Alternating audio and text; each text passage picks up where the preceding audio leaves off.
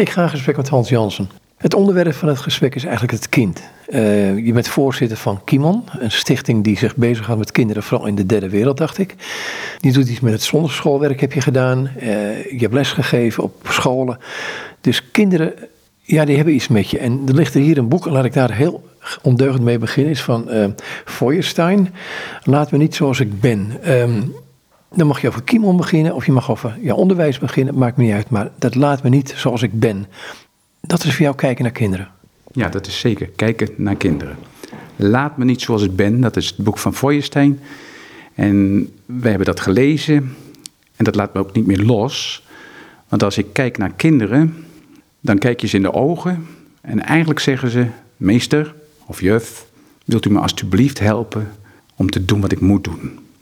Wilt u me alstublieft helpen om mijn talenten te gaan gebruiken? Die talenten die ik gekregen heb.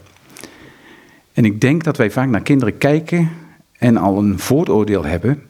En dat moet er in ieder geval af. Feuerstein die heeft mij een, eh, een filmpje laten zien. En daar zaten we allemaal met leerkrachten in opleiding bij elkaar. En toen zei Feuerstein, let op. Kijk goed naar dit filmpje. Wat zie je? Want ik heb dit kind iets geleerd. Het filmpje ging draaien, wij kijken, met een klas met allemaal studenten. En niemand zag iets.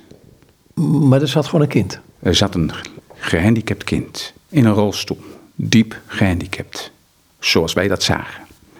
Het filmpje ging nog een keer draaien en wij hadden nog niks gezien. Toen zei Feuerstein, je moet eens opletten. Als ik binnenkom, dan gaat zijn vinger omhoog. Heel iets maar. En wij keken en inderdaad, zijn vinger ging omhoog. Nou, zei Feuerstein, heb ik hem nou wat geleerd, ja of nee? Ik wil niet dat hij blijft zoals hij is. Dus probeer hem iets te leren. En in dit geval was het zijn vinger die omhoog ging als ik binnenkwam. Dat geldt niet alleen voor gehandicapte kinderen, maar dat geldt voor alle kinderen. In het voortgezet onderwijs, in het basisonderwijs, op de zonderschool, bij Kimon, wereldwijd. Laat me niet zoals ik ben. En ik wil het nog iets dieper trekken. Laat me niet zoals ik ben betekent ook van haal me hieruit, vertel me over de Heer Jezus. Laat me zien wie Hij is, wie Hij wil zijn. Laat me zien wie ik ben. Breng me vooral ook bij Hem. Dat is ook het slogan van, van Kimon. Laat de kinderen tot mij komen, heeft de Heer Jezus gezegd. Want ik wil ze zegenen. Ik wil ze bij me hebben. Ik wil ze eigenlijk, ik zou bijna zeggen, vertroetelen. Kom maar bij me op schoot zitten. Want Jezus heeft hen veel te leren. Jezus heeft ons veel te leren, maar de Heer Jezus heeft ook de kinderen veel te leren. En daarom zeggen we bij Kimon, laten we de kinderen brengen bij Hem. En ik heb ooit ook eens een boek gelezen van professor Waterink, Aan moedershand tot Jezus. Dat heb ik vaak gebruikt op de zonderschool. Aan de hand van de juf, van de meester, naar Jezus. Bij Hem moet je zijn. Bij Hem kun je alles krijgen wat je nodig hebt. Hij is het voorbeeld voor ons. Hij is nog meer dan een voorbeeld. Hij is de middelaar. Hij is de redder. Hij wil jou helpen. Hij wil jou redden. Hij wil jou verlossen. En dat geldt voor alle kinderen, wereldwijd. En daarom laten we ze vooral bij Hem brengen. En als we dat doen, dan betekent dat ook vaak een les voor onszelf. Want als het goed is, zitten wij naast onze kinderen. Onze veldwerkers bij Kimon staan er niet boven, zitten naast de kinderen en zijn samen onderweg. En willen samen van Hem, met een hoofdletter, leren. En ik vind het mooi om dat uit te dragen. Elke keer weer opnieuw voor leidinggevenden, voor veldwerkers, naar de kinderen toe, in het onderwijs, voortgezet onderwijs. Er is zoveel te doen voor kinderen. En ik denk, als ik even terugkijk naar een tijd dat ik in het voortgezet onderwijs zat, ja, ook die, juist die kinderen, de pubers, om het zo te zeggen, die kinderen die menen dat ze eigenlijk er toch niet zo toe doen, want ze kunnen niet zoveel en op de basisschool lukt het allemaal niet zo makkelijk. En dan komen ze in het voortgezet onderwijs en dan VMBO, technisch onderwijs. En dan hebben ze zoiets van, ja, ik kan ook niet meer dan dit. En dat vind ik zo teleurstellend. Dan denk ik, ook jij mag er zijn. Jij met jouw talenten mag er zijn. Ik heb tegen de jongens en meisjes wel eens gezegd op school, ik heb jou nodig.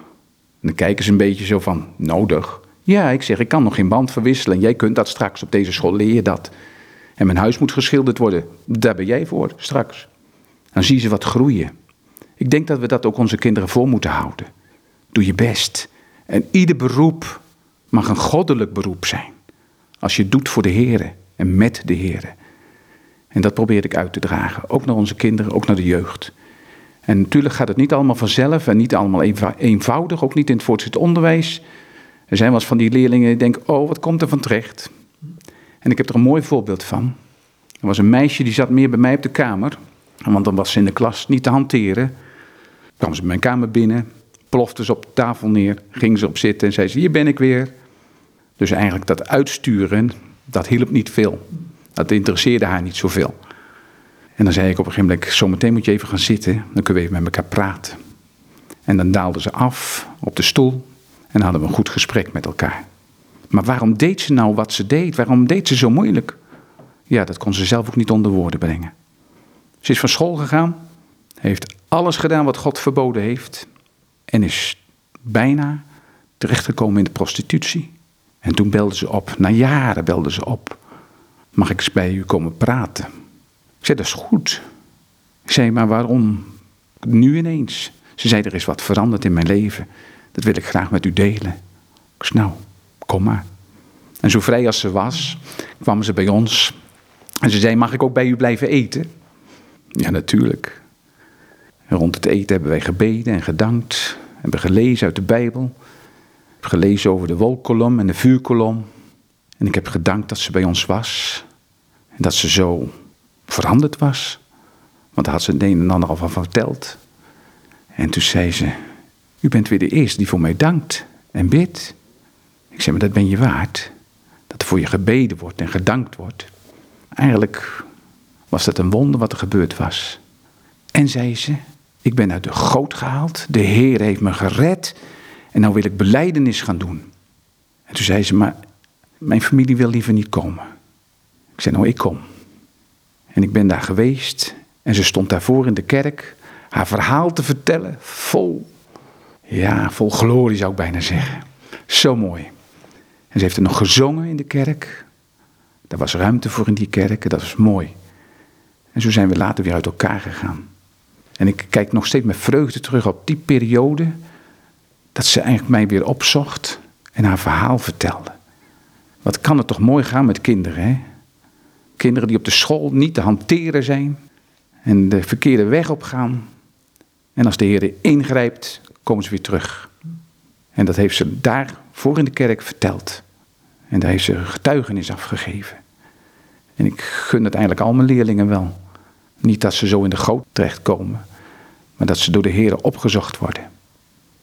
En dit vind ik een wonder en dat wil ik graag delen. Want ik vind het de moeite waard om te delen. En zo zijn er ook kinderen die verdwijnen, uit het oog verdwijnen. Niet op de goede weg terechtkomen. Maar de Heer weet van ze af. Ga naar Kimon toe. Um, wat doen jullie precies van werk? Want jullie zijn wereldwijd bezig. Wij zijn wereldwijd bezig. Kinderen, dat is eigenlijk uh, onze drive.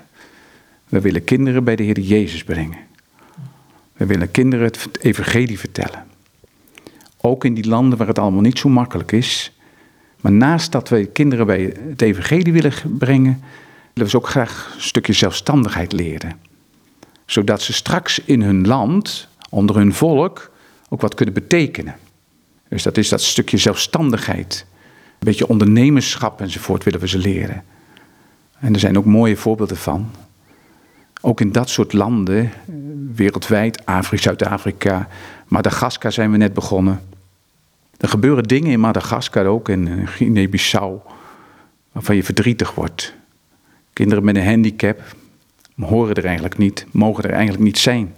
Ik ben er ook, ook in landen geweest waar ze gewoon weggestopt worden als in een donker kamertje achteraf of vastgebonden op een stoel heb ik ze wel gevonden.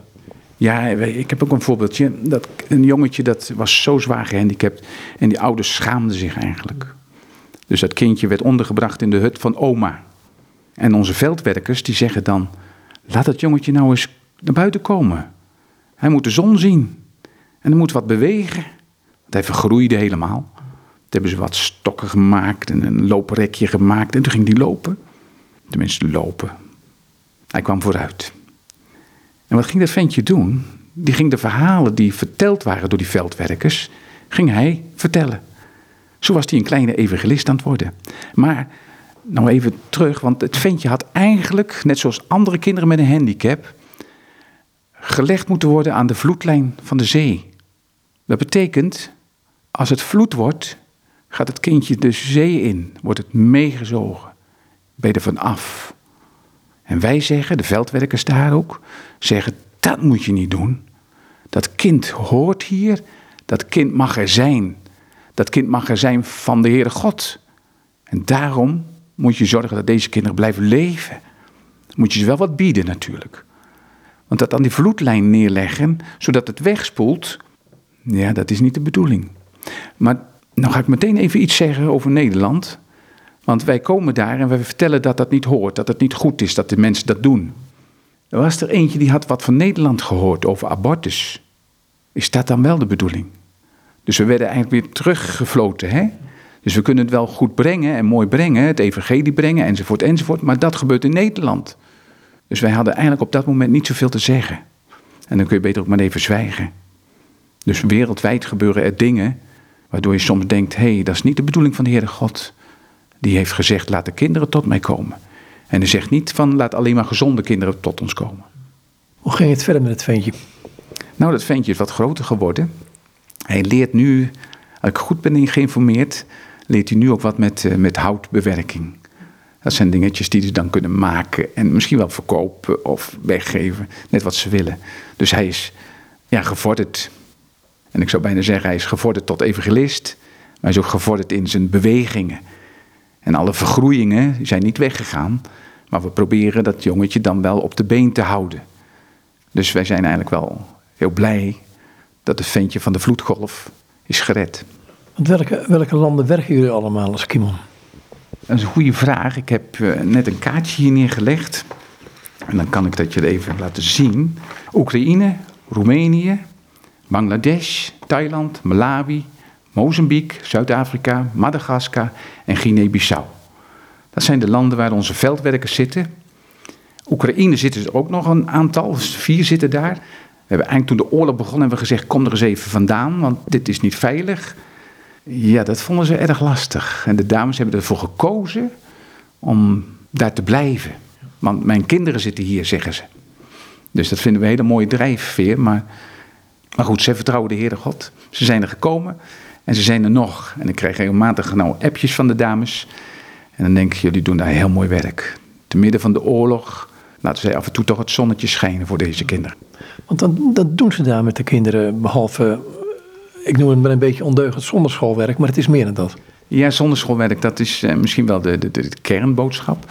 Ze, ze, proberen in ieder geval het evangelie te brengen, maar ze proberen deze kinderen dus ook verder te brengen door ze te zorgen dat ze woonvorm, dat er woonvormen zijn, dus in een tehuis ondergebracht worden of bij een gezinnetje ondergebracht worden. De zelfredzaamheid, waar ik het zojuist al even over had, dat is niet alleen voor gehandicapte kinderen. Dus ze hebben hier een klas met kinderen en ze verzorgen dan lessen zodat kinderen ook een beetje op eigen benen kunnen staan. Onderwijs, heb ik net al gezegd, dat is eigenlijk het evangelisatiewerk. Ook een stukje medische zorg. Ja, dat is eigenlijk de, de hoofdmoot. En met dat je de kinderen helpt, help je de gezinnen ook vaak. Want soms zijn papa's en mama's niet in staat om te helpen. En dan mogen onze, onze veldwerkers dat doen. En op deze wijze probeert Kimon wereldwijd kinderen de weg te wijzen. De weg, met een hoofdletter zou ik zeggen. En in Zuid-Afrika hebben we ook, dat is niet altijd even makkelijk. Want als het over, gaat, over, zorgen gaat en, moeite gaat, dan komt komen deze dames ook van, en heren ook van alles tegen natuurlijk. Ze zijn zomaar niet geaccepteerd. In Zuid-Afrika zit een juffrouw die zit dicht bij zo'n krottenwijk. Eh, net een poosje terug is ze overvallen. Nou, dat soort dingen gebeuren daar. En dan, dan denk je, waar doe ik dit nou eigenlijk voor? Hè? Dit mooie werk in het koninkrijk. En dan toch gebeuren deze dingen. Maar soms brengen deze dingen ook de mensen weer wat dichter bij de Heer afhankelijker ervan. Ik zie dat ook in de Oekraïne. Er zitten meisjes van ons, eh, of dames, die zijn vol vuur bezig met het evangeliseren, maar op dit moment ook met het verspreiden van goederen bijvoorbeeld. Alles wat uit Nederland komt met vrachtwagens aangeleverd wordt, proberen ze dan te verdelen onder de armsten. Dus ja, zo komen er allerlei dingen op je weg. Guinea-Bissau is een heel mooi project. Daar benaderen wij wel, ik zou bijna zeggen, duizenden kinderen. Want de veldwerkers hebben daar dan leidinggevers aan leidinggevenden van de kerk of ouders. Dus onze veldwerkers zijn dan eigenlijk de, de, coaches van de mensen die daar het werk gaan doen. En dat vinden wij ook wel erg belangrijk. Want als je straks weggaat, wat blijft er dan van je werk over? Dus we proberen daar zoveel mogelijk mensen in te zetten, zodat het werk door kan gaan. En dat zie je in Malawi zien we dat ook. Er zijn echt heel veel meesters en juffrouwen die het werk uitvoeren. En dan vaak ook nog in de dorpen, in een brede omgeving. En dan, dan zie ik daar iets gebeuren waardoor juist deze mensen als volwassenen, leidinggevend uit het eigen volk, ja, die verzamelen zomaar heel veel kinderen om hen heen. En dan kan het zomaar gebeuren dat deze mensen onderweg zijn en dan wordt er ook meteen gevraagd, juf, vertel nog eens zo'n verhaal uit die Bijbel. Dus je ziet ook een stukje enthousiasme bij de mensen zelf, bij het volk zelf. Heb je nou ook voorbeelden van kinderen waar het evangelie geland is, om het zo te zeggen, waar het gewoon in die cultuur waar zij leven, waarin de Heer Jezus gewoon gestalte krijgt in zo'n kind. Ik zeg het een beetje in eigen, nu in eigen woorden. Ja, weet je, dat is altijd wat moeilijk te beoordelen. En toch zien wij dingen gebeuren onder kinderen, onder jeugdigen. Ja, ze slaan geen kerkdienst meer over, om zo maar te zeggen. En ze willen niet anders. En als ze, als ze de kans krijgen om te zingen van de Heer, dan zie je ze, en het hele lichaam beweegt vaak mee in zulke landen, dan zie je ze dus uh, dat enthousiasme, de, uitstraling. Ze leren ook dingen niet meer doen. Ik bedoel daarmee dat ze dus zeggen, nee, dat, dat hoort niet bij ons, dat, dat is van verleden tijd. Dus ook in die cultuur zie je dan toch mensen de weg gaan dicht bij hun heren en bij hun zaligmaker, zal ik maar zeggen, ja. En de juffrouws, de veldwerkers, die, die, die proeven dat ook af en toe. Die zeggen, dat jongetje, dat meisje, dat heeft iets, niet van zichzelf, maar dat heeft iets van, van, van boven vandaan. En ja, soms zie je het zomaar aan het gezicht. Ik bedoel, merk je in die cultuur dat um, dingen waar wij hier misschien een beetje tegenover staan, zou dat wel kunnen? Dat daar dingen gebeuren die. Ik, ik hoor dit wel eens vertellen. Dan hebben mensen over. De Filipijnen heb ik zo'n zo een zendeling gehad die zei van ja. Daar raakten mensen genezen waarvan we hier zeggen, ja, zou dat wel waar zijn? Ik bedoel, die richting, uh, zodat het evangelie lijkt of er dingen gebeuren die alleen voor daar zijn en niet voor hier. Ja, ik, ik vind het, uh, het is wel een lastige vraag, omdat er dingen gebeuren die net zoals hier gebeuren. Soms denk ik het wonder is daar nog groter, omdat uh, het land waarin ze wonen, de cultuur waarmee ze te maken hebben, ja, die staat soms haaks, haaks op, op, op, op de Bijbel. Ja, maar dat is onze cultuur ook natuurlijk. Daar heb je gelijk in, ja, daar heb je gelijk in. Maar ik vind toch, als, je, als die kinderen in die cultuur wonen, dan zijn ze bepaalde dingen gewend. En die gewenning, die, die zit er gewoon helemaal in. Dus het is wat, wat wij, wij brengen. Het evangelie brengt een verandering als het goed is. En dat evangelie vraagt dan ook een stukje in verandering in die cultuur. Net wat ik zojuist zei, als de kinderen daar aan de vloedlijn worden gelegd. Ja, dat hoort erbij. Er zijn doktoren, geleerde uh, mensen, oudsten van het dorp, die, die zeggen van ik zal voor dat kind zorgen. En die brengt het dan naar de zee. Ja, dat, moet, dat verandert. En gelukkig zien we dat veranderen. Het gebeurt nog wel eens, maar toch minder gelukkig. Dus het evangelie heeft invloed. Invloed op kinderen en op volwassenen. En onze veldwerkers, ja, die mensen die proberen het niet alleen met woorden te doen, maar ook met daden te laten zien. En misschien is dat nog wel veel belangrijker. Dat mag ik misschien ook in Nederland wel zeggen. Dat wij met, niet met woorden, maar met de daad laten zien wie Jezus is. Ik denk dat het belangrijk is dat wij het beeld van onze meester vertonen. Ook in Nederland, maar ook zeker daar. En dat is in liefde de weg gaan. En niet kinderen afschrijven. Daar in Malawi hebben we twee mensen zitten. Ja, zijn bomen aan het planten. Zou je zeggen, nou bomen aan planten, wat is dat dan voor het evangelie? Terwijl ze de boompjes aan het planten zijn, praten ze met de pubers en de jongeren. En dan wordt het wel eens even stil als ze zo'n boompje aan het planten zijn. Dus je ziet dan gewoon door te doen, niet alleen te zeggen, maar ook te doen, dat mensen nadenken en eigenlijk vragen van, dit zou ik ook wel willen hebben. Ja, en eh, ja, dat vind ik eigenlijk de boodschap. Zeg je daarbij, ik ga even naar onze eigen cultuur toe, waarin het allemaal niet zo vanzelfsprekend is dat je getuigt van de Heer Jezus, want um, ja, er zit toch een zekere schaamte overheen vaak. Um, hier, hoe doe je dit hier? Ja, de schaamte die wij hebben, die, die, daar zou je aan voorbij moeten gaan, denk ik. Maar ik heb het ook. Ik ben ook niet altijd even vrijmoedig. Kijk, als wij hier nou met z'n tweetjes zitten, dan kunnen we elkaar aardig in het hart laten kijken. Maar naar buiten toe is dat best wel eens lastig. Ik weet nog dat mijn zoon op een gegeven moment met mij meeging naar een, een, een avond voor leidinggevende van de zonderscholen. En toen zei hij, pa, ik heb nou eens iets meer gehoord van je dan dat je thuis wel eens vertelt. En het ging dan over geestelijke dingen. Ja, ik denk dat wij wel moeten proberen, steeds meer in Nederland, dat we naar buiten toe laten weten, wie zijn we nou als kerkmens? En dan hoop ik eigenlijk kerkmens dat het meer is dan alleen maar een mens dat naar de kerk gaat, maar een kind van de Heere God. Wie zijn we nou eigenlijk? Ik ben zelf hervormd. Wij zijn een kerk voor het volk. Dat betekent dat mijn kerk, onze kerk, heeft iets te vertellen voor het volk. Wij moeten naar buiten toe met het evangelie. We hebben soms hele dikke muren. Misschien hebben wij het kaarsje wel onder de, onder de kolf gezet, hè?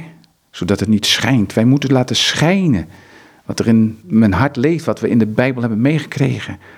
En zeker ook in Nederland. Ik denk dat we wat naar de rand geschoven worden en ons laten schuiven. Maar laat alsjeblieft de evangelie klinken. Wereldwijd, Nederland, zo klein als we zijn, Nederland moet het weten. En ik denk dat we als kerkmens daarin een opdracht hebben. En dat we onze mond niet moeten houden, maar zeker ook, en dan kom ik weer, met de daad laten zien wat het dan betekent. En dat wordt niet makkelijker in Nederland, want ik heb het idee dat we overspoeld worden door dingen die tegen de Bijbel ingaan. En ik, ik meen toch dat ook wel te mogen zeggen. Dan gaat het over de hele genderproblematiek of gendervraagstukken. Dan denk ik, hé, hey, dat gaat dwars tegen mijn Bijbel in. God heeft een man en een vrouw geschapen. Dat heeft hij daar maar goed bedacht allemaal. En al die orde, ordeningen, die maken het eigenlijk in Nederland veel, veel lastiger. Steeds moeilijker. Ook voor onze kinderen of voor onze jeugd. Onze kinderen moeten nadenken over dingen waar, zij, waar we vroeger niet over na hoefden te denken. En ik vind het een beetje, ja, als de Heere God ons niet vasthoudt, dan gaan we gewoon lekker mee in de stroom. En dan ben ik wel een beetje huiverig. En ik denk dat we meer moeten laten horen dat de Bijbel dat en dat zegt. En dat we ons eigen ik eens even een plaatsje moeten geven waar die hoort. Want wij hebben in het paradijs gekozen. Toen was ons ik al zo belangrijk. En ons ik is nog erg belangrijk. Want ik voel, dat ben ik. Dan denk ik, hé, hey, wat heeft de Heer nou bedoeld?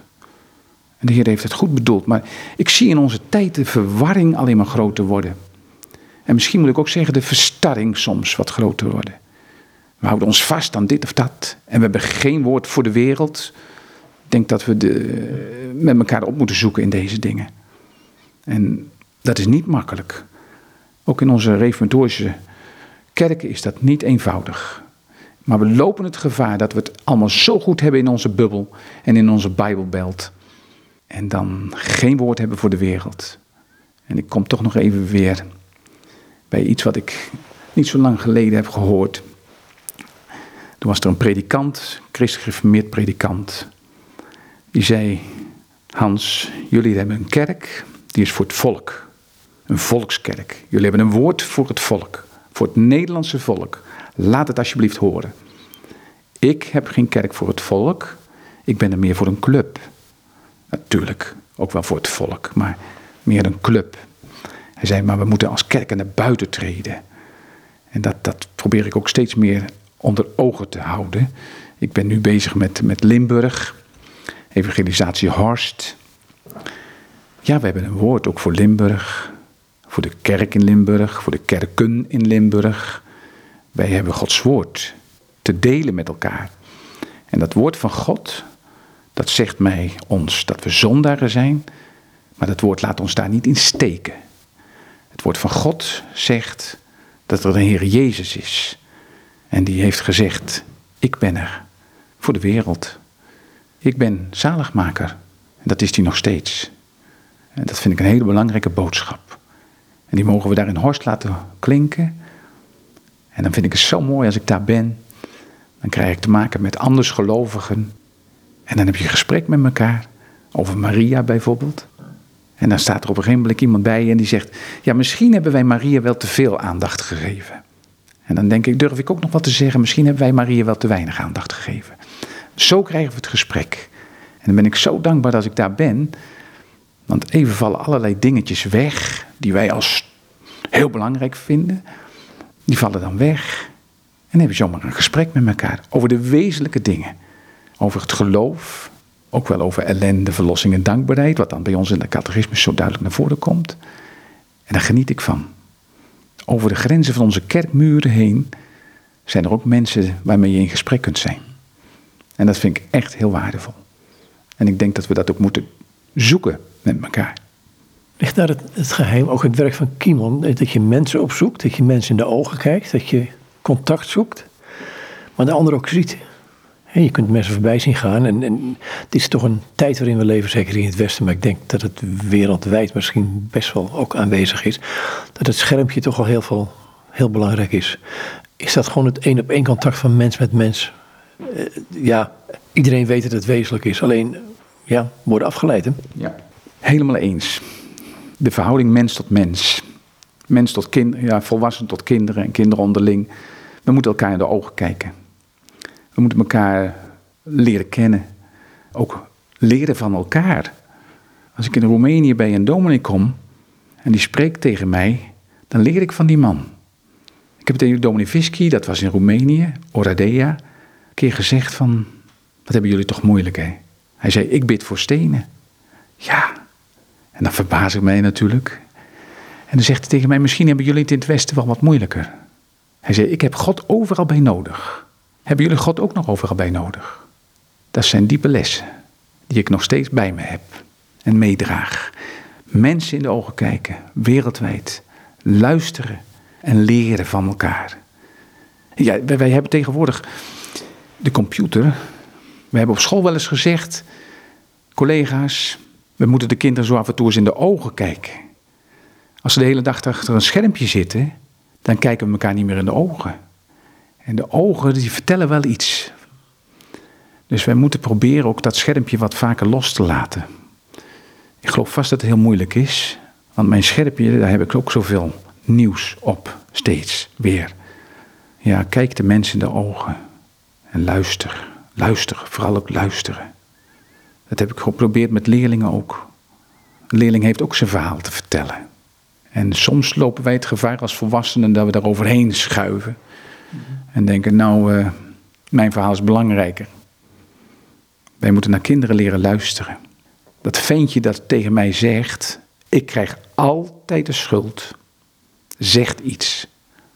Terwijl een leerkracht misschien denkt, nou ja, valt wel mee. En dan denk ik, nee, je zegt iets. Hoe bedoel je dat dan? Nou, dan komt er een verhaal van juffrouw X of Y. Ik zeg, zullen we dat eens gaan zeggen tegen de juffrouw? Dat jij dat denkt. En dan gaan we dat doen en dat geeft opening voor gesprek. En die collega gaat misschien iets wat anders kijken naar zo'n kind. Als hij zijn verhaal kan doen. Kijk elkaar in de ogen en luister naar elkaar. En doe dat ook met alle verscheurdheid die we hebben in Nederland in de kerken. Doe dat vooral ook in de kerken. Wat ik nu zeg is best wel heel moeilijk. We hebben de COGG, in Nederland. We proberen wat kerken bij elkaar te krijgen, in gesprek te raken. Maar hoe moeilijk is dat? En dat maakt mij verdrietig. Want wij hebben naar onze kinderen ook iets. Ja, wat hebben we nou aan onze kinderen te vertellen als het over, over dit, dit gaat? Was een jongen op een voortgezet onderwijs zei: Meneer, vertel eens naar welke kerk moet ik? Wat is de beste? U wilt toch dat ik naar de kerk ga? Ja, ik wil wel graag dat je naar de kerk gaat. Ik had eigenlijk geen antwoord. En dat vond ik heel triest. Ik zei, joh, ik weet het eigenlijk niet zo goed. Ik zeg, maar één ding weet ik wel. Als de Heer Jezus nu hier had gelopen en je had die vraag aan hem gesteld, had hij waarschijnlijk gezegd, stil eens even allemaal en luister naar mij. Daarom, we moeten ons laten gezeggen door het woord van God. En dat is al moeilijk genoeg, want wij hebben overal kanttekeningen bij, aanvullingen op. En onze jongeren leren daar niet veel van. Ik weet nog dat er een jongen was die zei, toen was ik op huisbezoek, papa gaat naar dominee X en mama gaat naar dominee Y. Ik ga niet meer. Want zij weten het niet en weet ik het ook niet. Zo ligt het. Dus we moeten daar heel voorzichtig in zijn. Zoek met elkaar en met je kinderen de weg. Pas op dat we geen verhindering zijn. Als Watering zegt, aan moeders hand tot Jezus, dan geldt het ook voor de papa's. En dat geldt ook voor de meeste juffrouws. We moeten ze bij hem brengen. En in zijn handen zijn ze veilig. Hij wil ze zegenen. Dat is toch een prachtige boodschap? Die moeten we vasthouden. Ja. Ik ga een heel eng boek wat hier ligt. Dat is een eng boek, ja. Een heel eng boek. Ja, je vindt jezelf ook verraden vertrouwen. En dat is natuurlijk een ontzettend heikel onderwerp. Dat is een heikel onderwerp. Maar we kunnen er niet omheen. Het is triest genoeg, het gebeurt. Ik heb ermee te maken gehad, ook in het onderwijs. Een groot gezin. Een papa die eh, kon niet van de kinderen afblijven. Alle kinderen zijn de deur uitgegaan. Sommigen zijn zelfs in een inrichting, laat ik het zo maar zo zeggen, terechtgekomen, psychiatrisch. Andere kinderen zijn bij pleegouders terechtgekomen. En ja, als je dat nou ontdekt op een school, dan weet je in eerste instantie niet wat je moet doen. En in dit boek Verraden Vertrouwen, dan lees ik van dokter Borst wat het betekent voor de incestdaders en voor de slachtoffers. En ik heb op een NPV-avond een keer daarover gesproken. Dit raakt zo diep. Dat meisje dat eigenlijk het haar verhaal kwam vertellen. Dat meisje was zo geraakt. Ze zei, meneer, God is liefde, maar ik geloof het niet meer. Want dan had hij me deze vader niet gegeven. Zo diep gaat het. En ook dan een luisterend oor. En daadkrachtig optreden. En dan ben je er nog niet. Want die papa kwam in de gevangenis en die papa die stuurde een brief naar school waar wij ons mee bemoeiden. Enzovoort, enzovoort. We hebben het meisje goed mogelijk opgevangen. Gelukkig is ze in een kerkelijke gemeente terechtgekomen waar ze ook werd opgevangen. Het was niet de kerk van haar opvoeding. Ze kwam in een evangelische gemeente terecht. Ze zei, nou heb ik weer geleerd dat Jezus liefde is. Maar dan ga je wel een weg. Een hele weg. En ik denk dat het een levenslange weg is. Want je bent geraakt in je vertrouwen. In je vertrouwen ten opzichte van je vader. In je vertrouwen ten opzichte van God. En dan ben ik zo dankbaar dat de Heer God ingrijpt. En dit meisje een weg heeft gewezen, die is er gegaan. En ik heb gezegd, we gaan de Heer danken dat je daar terecht bent gekomen. Want je leert inderdaad nu de kant van God zien. Die Hij wil laten zien. Zijn liefde voor jou, voor mensen, voor kinderen. Ook deze beschadigde kinderen. Ik denk dat we ze ook deze weg moeten wijzen. Kom, ga met ons, doe als wij. Bij Hem moet je zijn. Met al je zorgen. Het is natuurlijk heel heikel als zo'n meisje naar je toe komt. Hè, je zeg, ik heb het op school meegemaakt. En dat je zo'n, ik vind het een walgelijke opmerking, plaatst als: Ja, uh, ik geloof je wel, maar ik ben er niet bij geweest. Dus dat wantrouwen wat je creëert. Nee, dat moet je zien te voorkomen. Begin te luisteren naar zo'n meisje. Zet je hart open voor zo'n meisje. En dan is de vraag: wat gaan we doen? En dat, mag, dat moet zij dan zeggen. Maar het betekent ook van jou uit dat jij haar onvoorwaardelijk gelooft. Ik, ja, ik geloof haar. Ik, daar begin ik mee. Ja. En natuurlijk uh, komen er allerlei verhalen in deze wereld rond dat ik zeg van nee, nee, nee, wacht eventjes. Daar moet ik twee kanten van horen. Maar die andere kant kon ik hier niet horen. Dus ik kon haar horen en ik heb haar het vertrouwen gegeven, ja. En dat heb ik ook laten merken, want op een gegeven moment was ze bij een pleeggezin. Ik zeg, uh, dan zat ze dicht in de buurt bij mij. En toen kreeg ik van de politie de opdracht dat ze naar Rotterdam moest komen. Ik zei, een meisje van twaalf. Ja, nou, ze kan gewoon met de tram. Ik zei, ja, hoe kun je dat nou aan een meisje vragen? Ik kijk vanuit een dorp naar een stad als Rotterdam natuurlijk ook een beetje anders op. Maar ik zei, ik ga mee. Dus ik ben met haar meegegaan. Ik heb daar in de wachtkamer gezeten en post, gepost zitten wachten. En uh, ik was er voor haar. Ik was er voor haar. Dat heeft ze gevoeld, denk ik. Want ze heeft me vaker haar waardering uitgesproken, maar daar gaat het eigenlijk helemaal niet om. Het gaat erom dat haar, dat verraden vertrouwen, dat dat weer hersteld wordt. Maar dat red ik niet. En gelukkig heeft zij dat gevonden bij haar Heer, ja. Bij haar meester. En dat vond ze, dat, dat, dat wens ik iedereen eigenlijk. Bij alles wat ons overkomt in het leven, dat je bij hem terechtkomt. En er staat dus een mooi, dat je mag komen in Hebreeën staat het, hè naar de troon van zijn genade. Genade. Een mooie woord is het toch niet? En er zijn zoveel barrières die wij kunnen opwerpen. Ja. In, in zo'n geval. Ja, in elk geval, denk ik. Ja. We zijn vaak zo geformateerd al, als, als christenen zelf, maar hebben we wel enig besef wat die genade betekent? Want dat vraag ik me soms, als ik naar mezelf kijk, ook wel af. Nou, dat denk ik ook. Het woord genade, dat is natuurlijk, eh, ja. Ik vind het echt moeilijk om, om te zeggen, dit, dat is het voor jou en dat is het voor jou en dat is het voor jou. Genade moet je beleven en dan moet je mee leven. Genade wordt je geschonken. Dat heb ik niet op zak. Dat kan ik ook niet aan zo'n meisje geven. Ik hoop wel dat zo'n zo mensen dat met mij bij hem zoeken. Want dat is ook met het enige adres. Mensen zijn. Natuurlijk kun je mensen op, op een gegeven moment ook vertrouwen. Maar het is altijd tot, tot, tot, tot met. Of tot een zekere hoogte. Genade moet je bij hem zoeken waar het te vinden is. En de Heere God heeft dat zelf ook uitge, ja, uitgezegd en uitgedacht. Heeft daar de Heer Jezus voor naar deze aarde laten gaan. En ik denk dat het heel belangrijk is dat we dat ook met onze kinderen, maar ook zeker met kinderen die zo beschadigd zijn, laten weten dat er genade is. En ik weet ook met, met dan kom ik bij de verloren zoon terecht, waar die vader eigenlijk zegt, ja wat zegt hij eigenlijk? Hij omarmt hem. En ik dat beeld zie in de, in de Rembrandt-bijbel, dan zie ik daar een vader die zo'n jongen beetpakt. En de ene hand is de hand van de moeder en de andere hand is de hand van de vader. En zo pakt hij ons beet. En zo houdt hij ons vast. Ik weet nog dat ik bij dat meisje heb de Rembrandt-bijbel erbij gepakt. Ik zei, deze vader staat op wacht. Staat te wachten totdat jij komt. Je mag er zijn, je mag er naartoe gaan. Doe dat vooral. Ja, hoe doe je dat dan, meneer? Zullen we het samen doen? We hebben gebeden, hebben gedankt, hebben gebeden. Meer gebeden dan gedankt. Maar het was er wel. Dat vergeet ik ook nooit meer dan, hè?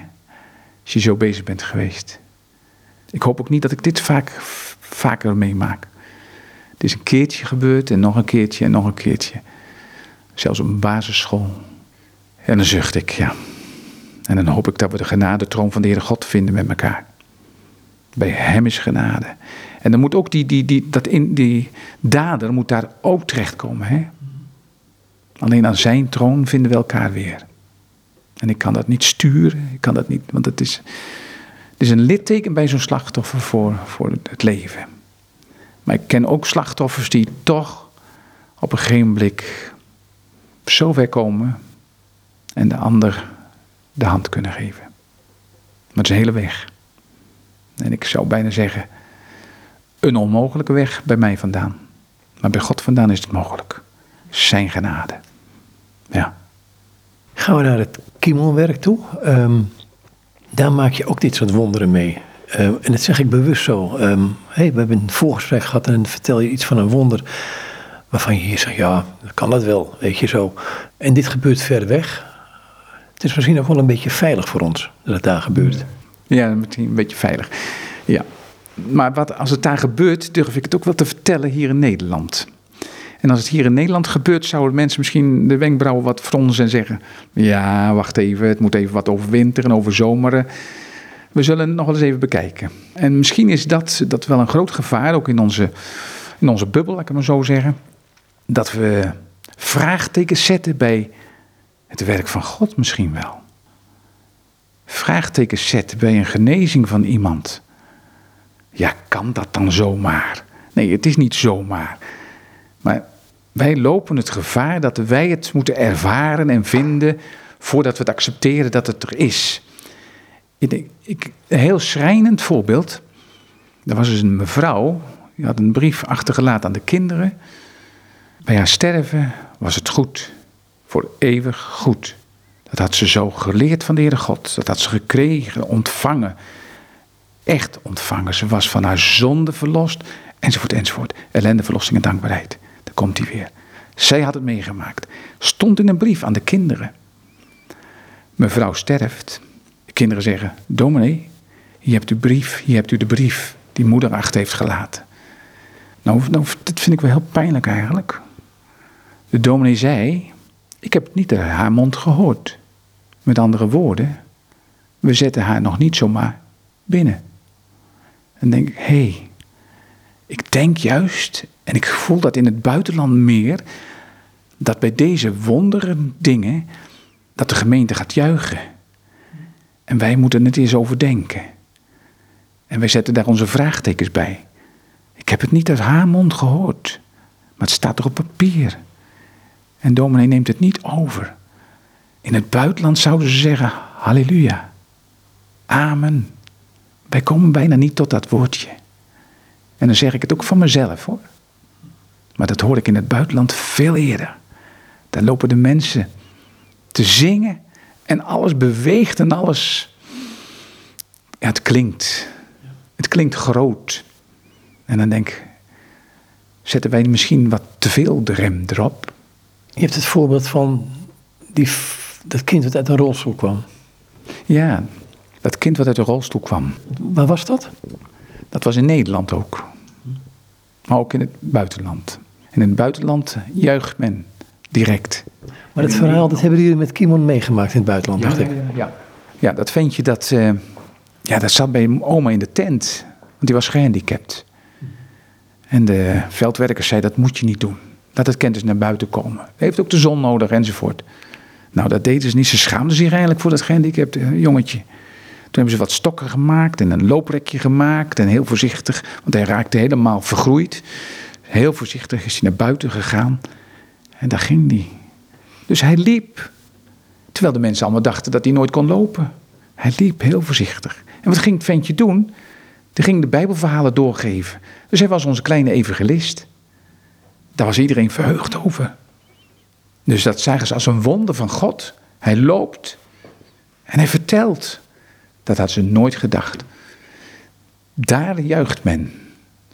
In Nederland was eens een keer iemand die kwam uit de rolstoel. Die rolstoel werd in de boom gehangen. En de kerkraad had zoiets van: wat moeten we hiermee? Dan heb je het weer. Wij gaan dan de twijfel. Hè? Wij gaan denken: is dit wel van de Heer? Maar wie ben ik nou eigenlijk om te bepalen dat het van de Heer is of niet? Dus in het buitenland juichen ze en wij gaan eerst even nadenken. Ik zeg niet dat we het allemaal over moeten nemen zoals het in het buitenland gebeurt. Het is onze cultuur natuurlijk ook. Aan de andere kant, misschien doen we de Heer ook wel eens tekort in deze dingen. Ik heb ooit wel eens de vraag gesteld aan, en die kreeg ik toegereikt van iemand in Frankrijk, in de Église Réformée daar, een, Nederlandse voorganger. Die zei van, we zitten daar met een groep protestanten, wat moeilijk is in Frankrijk. Ehm, en op een gegeven moment komt er een jongen binnenlopen, die was echt tot bekering gekomen, helemaal enthousiast. En zegt hij, ja, we wisten er geen raad mee, maar we voelden ons aangevallen. Wat, wat... En we hebben een heel lang gesprek over gehad, ik weet niet eens meer hoe het ging, maar ja, en dat hè. Dus we zien het wel, maar we doorgronden het niet en we hebben onze twijfels. Ja, misschien eens twijfels. We kunnen er ook niet mee omgaan op de een of andere manier. Ik, ik was in een Nederlands interview ook gevraagd. Ik zeg, en die zeiden eerlijk tegen mij van ja, we kunnen er eigenlijk helemaal niet mee omgaan. Maar dat is toch wel misschien wel belangrijk om iets te ontdekken van wat er ook gebeurt. Ik ben ja, dat is, eigenlijk wel mooi dat het buitenland dat wel heeft. Maar ook dat soort dingen moeten we dan toch eens maar eens ja, over nadenken met elkaar. Ook hier in Nederland. Net als ik zo, zojuist al zei, van, uh, misschien schieten we tekort in deze dingen ook. Uh, er gebeuren hier in Nederland toch ook wonderen. Ik, ik heb dat, in de klas probeer ik dat altijd weer te verschilderen aan de kinderen, te laten weten. Er gebeuren wonderen. Ja, welke dan? En dan, dan komen er een aantal dingen waarvan ik denk, ja, dat mag ik best zeggen. Dat zijn wonderen van de Heere God. Maar in onze kerkverbanden ja, hebben we een bepaalde structuur. En misschien is de structuur en de cultuur wel zo sterk dat dit soort dingen er gewoon niet in passen. En wij met allerlei vragen rond blijven lopen. En uiteindelijk niet durven overnemen. Ja, dat, dat, dat vind ik zelf ook een hele lastige. En ik, ik geniet van die dingen als dat in het buitenland gebeurt. Ik, ja, ik heb daar dingen meegemaakt, in, in Roemenië ook. Ook mensen die eigenlijk niet naar de kerk gingen, daar kwamen en dan, dan. Ja, dat was wel mooi. Want dan zeggen die mensen, als ze dan zo'n preek horen, zeggen ze tussen de preek door gewoon amen, amen. Met andere woorden, dat heb ik ook. Of dat vind ik mooi, dat vind ik geweldig. Dank u wel, heren. Dat zijn we ook niet gewend. Ik ben hier wel eens in een, internationale dienst geweest. En dan merk ik ook dingen die, die, die ben ik ook niet gewend in mijn kerk. En dan vind ik het toch mooi. En denk dit is toch wel mooi dat er mensen zijn die het op die manier beleven. Dan gaan mensen op de knieën om te bidden. Anderen staan rechtop. Volgende anderen vouwen hun handen, doen hun ogen dicht. Allemaal heel verschillend. De een in een zwart pak, een ander in een kleurrijke jurk. En ik heel verschillend. En toch, één Heer, één God, één Vader. Ik denk dat we dan in zo'n internationale kerkdienst ook iets daarvan uitstralen. Wat de Heer bedoeld heeft. Hij heeft gezegd: Ik ben er voor deze wereld, waar we dan ook wonen. Er ligt hier een boekje, misschien sluit het hier al bij aan. Ja, dat is te gaan. Ja, ja, Up-to-date, gereformeerd van Johan Schaals. Uh, reformatorisch gemeenschap in een opengebroken wereld. Dat is natuurlijk een van de dilemma's misschien van deze tijd wel. Um, je wil mensen waarschuwen voor, die probeert je dat allemaal weg te houden. Alleen, je zal wel moeten functioneren in deze wereld. En je kunt er wel als vreemdeling rondlopen. Um, maar je denkt dat dezelfde kranie leeft onder dezelfde sterren. Ja, wij zijn vreemdeling hier beneden. Dat is een boek van mijn schoonvader. Dat zijn we. Aan de andere kant, wij hebben wel een woord voor deze wereld. Ik bedoel, wij, wij, wij leven hier en nu met allerlei dingen en omstandigheden om ons heen. God en zijn woord veranderen niet. Dat staat vast. De wereld om ons heen wel. En de reformatorische gemeenschap verandert eigenlijk ook. Toch wel. Alleen wat langzamer misschien. En we lopen het gevaar dat we verstart raken in onze tradities, ook met een kleine t. En daardoor eigenlijk ook niet om kunnen gaan met de dingen die er gebeuren. En ik heb ooit wel eens, en dat zeg ik steeds weer, wij moeten onze kinderen ook leren omgaan met de dingen in deze wereld. Wij, kunnen, wij zitten niet op een eilandje. En omgaan met de dingen in deze wereld betekent voor mij dat je kennis neemt van de dingen die er gebeuren. Wij noemden dat altijd begeleid confronteren. Wel confronteren. Laat zien wat er te koop is. Ik heb in Rotterdam gewerkt. In Rotterdam heb je zo'n stad, leeft alles. Om de school heen gebeurt er van alles. Waar ik in de kerk niet mee te maken heb. Maar ik moet er wel iets van weten.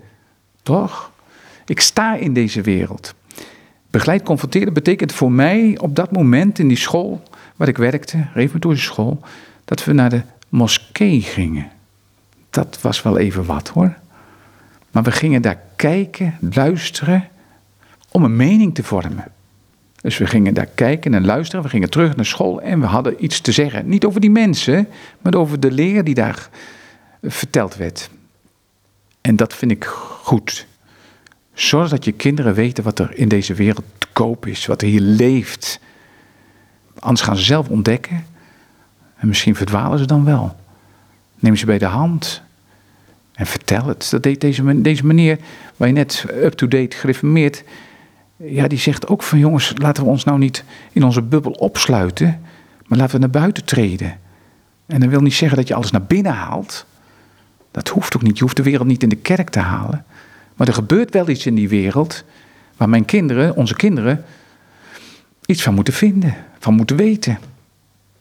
Ja, ik denk dat dat een hele belangrijke is. Hoe schrijft hij daarover? Ik vind dit boek, uh, dit heeft mij aan het denken gezet. Uh, want hij, hij geeft heel duidelijk aan, wij hoeven de kerk niet direct te veranderen.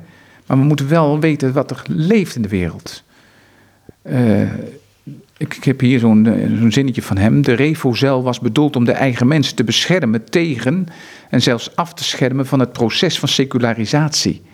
Ja, beschermen tegen secularisatie, afschermen. De secularisatie, secularisatie gaat door. En die gaat ook in de kerk komen. We krijgen ermee te maken. Een dominee zal van nu zal ook anders spreken dan een aantal jaren geleden. Daarmee bedoel ik dat de dingen die in deze wereld leven, die vragen om een antwoord, ook vanuit de kerk. En mijn oma zei wel eens, toen hadden we het over abortus, dat was toen maar een beetje nieuw allemaal. Mijn oma zei wel eens, ik heb in mijn hele leven daar nog niet over na hoeven denken. En onze kinderen moeten over zoveel dingen nadenken. Wij moeten als kerk zorgen, en ik denk dat het iets al meer gebeurt dan een aantal jaren geleden. We moeten als kerk zorgen dat we onze jongeren uh, de wapens in handen geven ik zou bijna zeggen, de geestelijke wapenrusting. Zodat ze weten waarom iets niet en waarom iets wel goed is. Wij hebben natuurlijk in onze gezinten de televisie de deur, buiten de deur gehouden. En uh, prima allemaal. Alleen nu hebben we de televisie op zak en weten we niet hoe we ermee om moeten gaan. Dus denk ik dat we als kerk moeten zorgen dat onze jongeren worden opgevoed, onderwezen in deze dingen. Wij zijn bezig met het hervormd jeugdwerk. En dan gaat het soms over dat begeleid confronteren. Er zijn filmpjes, dan zeggen we, moeten we die naar onze jeugd laten zien? Dat vinden wij als wat oudere mensen, vinden we dat een beetje lastig. Moeten we deze filmpjes aan onze jongeren laten zien? Ja, want deze filmpjes zien zij ook. Dus gaan we ze laten zien en gaan we ze de boodschap erbij brengen. En ik denk dat dat in onze tijd wel steeds meer moet gebeuren. En onze jongens en meiden moeten niet verloren gaan in de verwarring en de verstarring in onze bubbel. Bijbelbelt, noem het maar zo. Moet denken aan een programma wat wij maakten voor de EOTennis in de jaren 70 alweer, denk ik. Een tijdje terug. Over huwen, huwen of hokken. En het viel ons op dat de mensen die samenwoonden, dat heel goed onder woorden konden brengen. En huwen eigenlijk, ja, ja, het zat het ergens. Het was een soort moris, het was doorgegeven, maar dat ehm, goed kunnen onderbouwen wat je nou werkelijk gelooft. En het, ook, ook het, kennen van. Ik denk dat het een wezenlijk punt is van onze, onze kerken. Uh, wat je nou zegt, dat, dat, dat, klopt. Wij hebben geen antwoord eigenlijk. Huwen, ja, natuurlijk huwen. De dominee zegt het, of de ouderling zegt het, of zo ben ik opgevoed. Ja, wacht even, er zijn mensen die hokken. Wat vind je daar dan van? En waarom vind je dat? Waar kun je terugvinden in de Bijbel? Uh, eens. Wij moeten onze kinderen leren dingen te onderbouwen. Dat zie ik nu met het hele genderverhaal ook. Waarom niet? Waarom wel? We hebben gewoon tegenstrijdige nieuws, tegenstrijdig nieuws uiteindelijk. Dat komt over ons heen rollen. We moeten daar iets van vinden. Als we tegen zijn, moeten we dat geluid laten horen. Niet omdat ik zomaar uit de lucht pluk dat ik tegen ben, maar op grond van. En als we dat niet kunnen, dan gaan onze jongeren dwalen, zoeken, tasten. En dan gaat het denk ik in veel gevallen fout. En ik vind het echt niet makkelijk om deze onderwerpen ook allemaal te behandelen. Wij gingen over seksualiteit gingen wij lessen geven in het voortgezet onderwijs. Een aantal jaren geleden. Ik denk dat het twintig jaar geleden is. En ja, dat wilde er eigenlijk niet in bij een gros, gros van de mensen op onze school.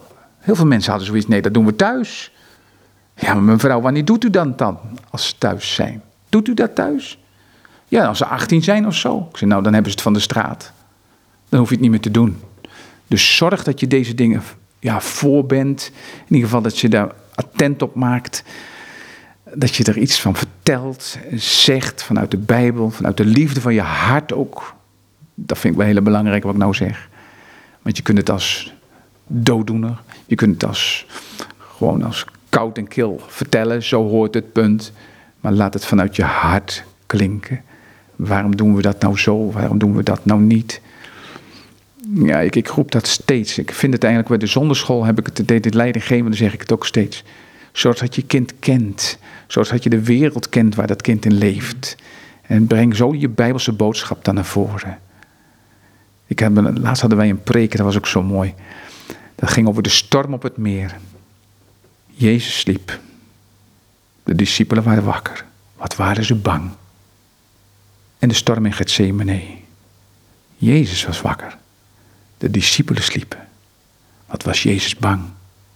De angst van de discipelen aan boord was een ongegronde angst eigenlijk, want Jezus was aan boord.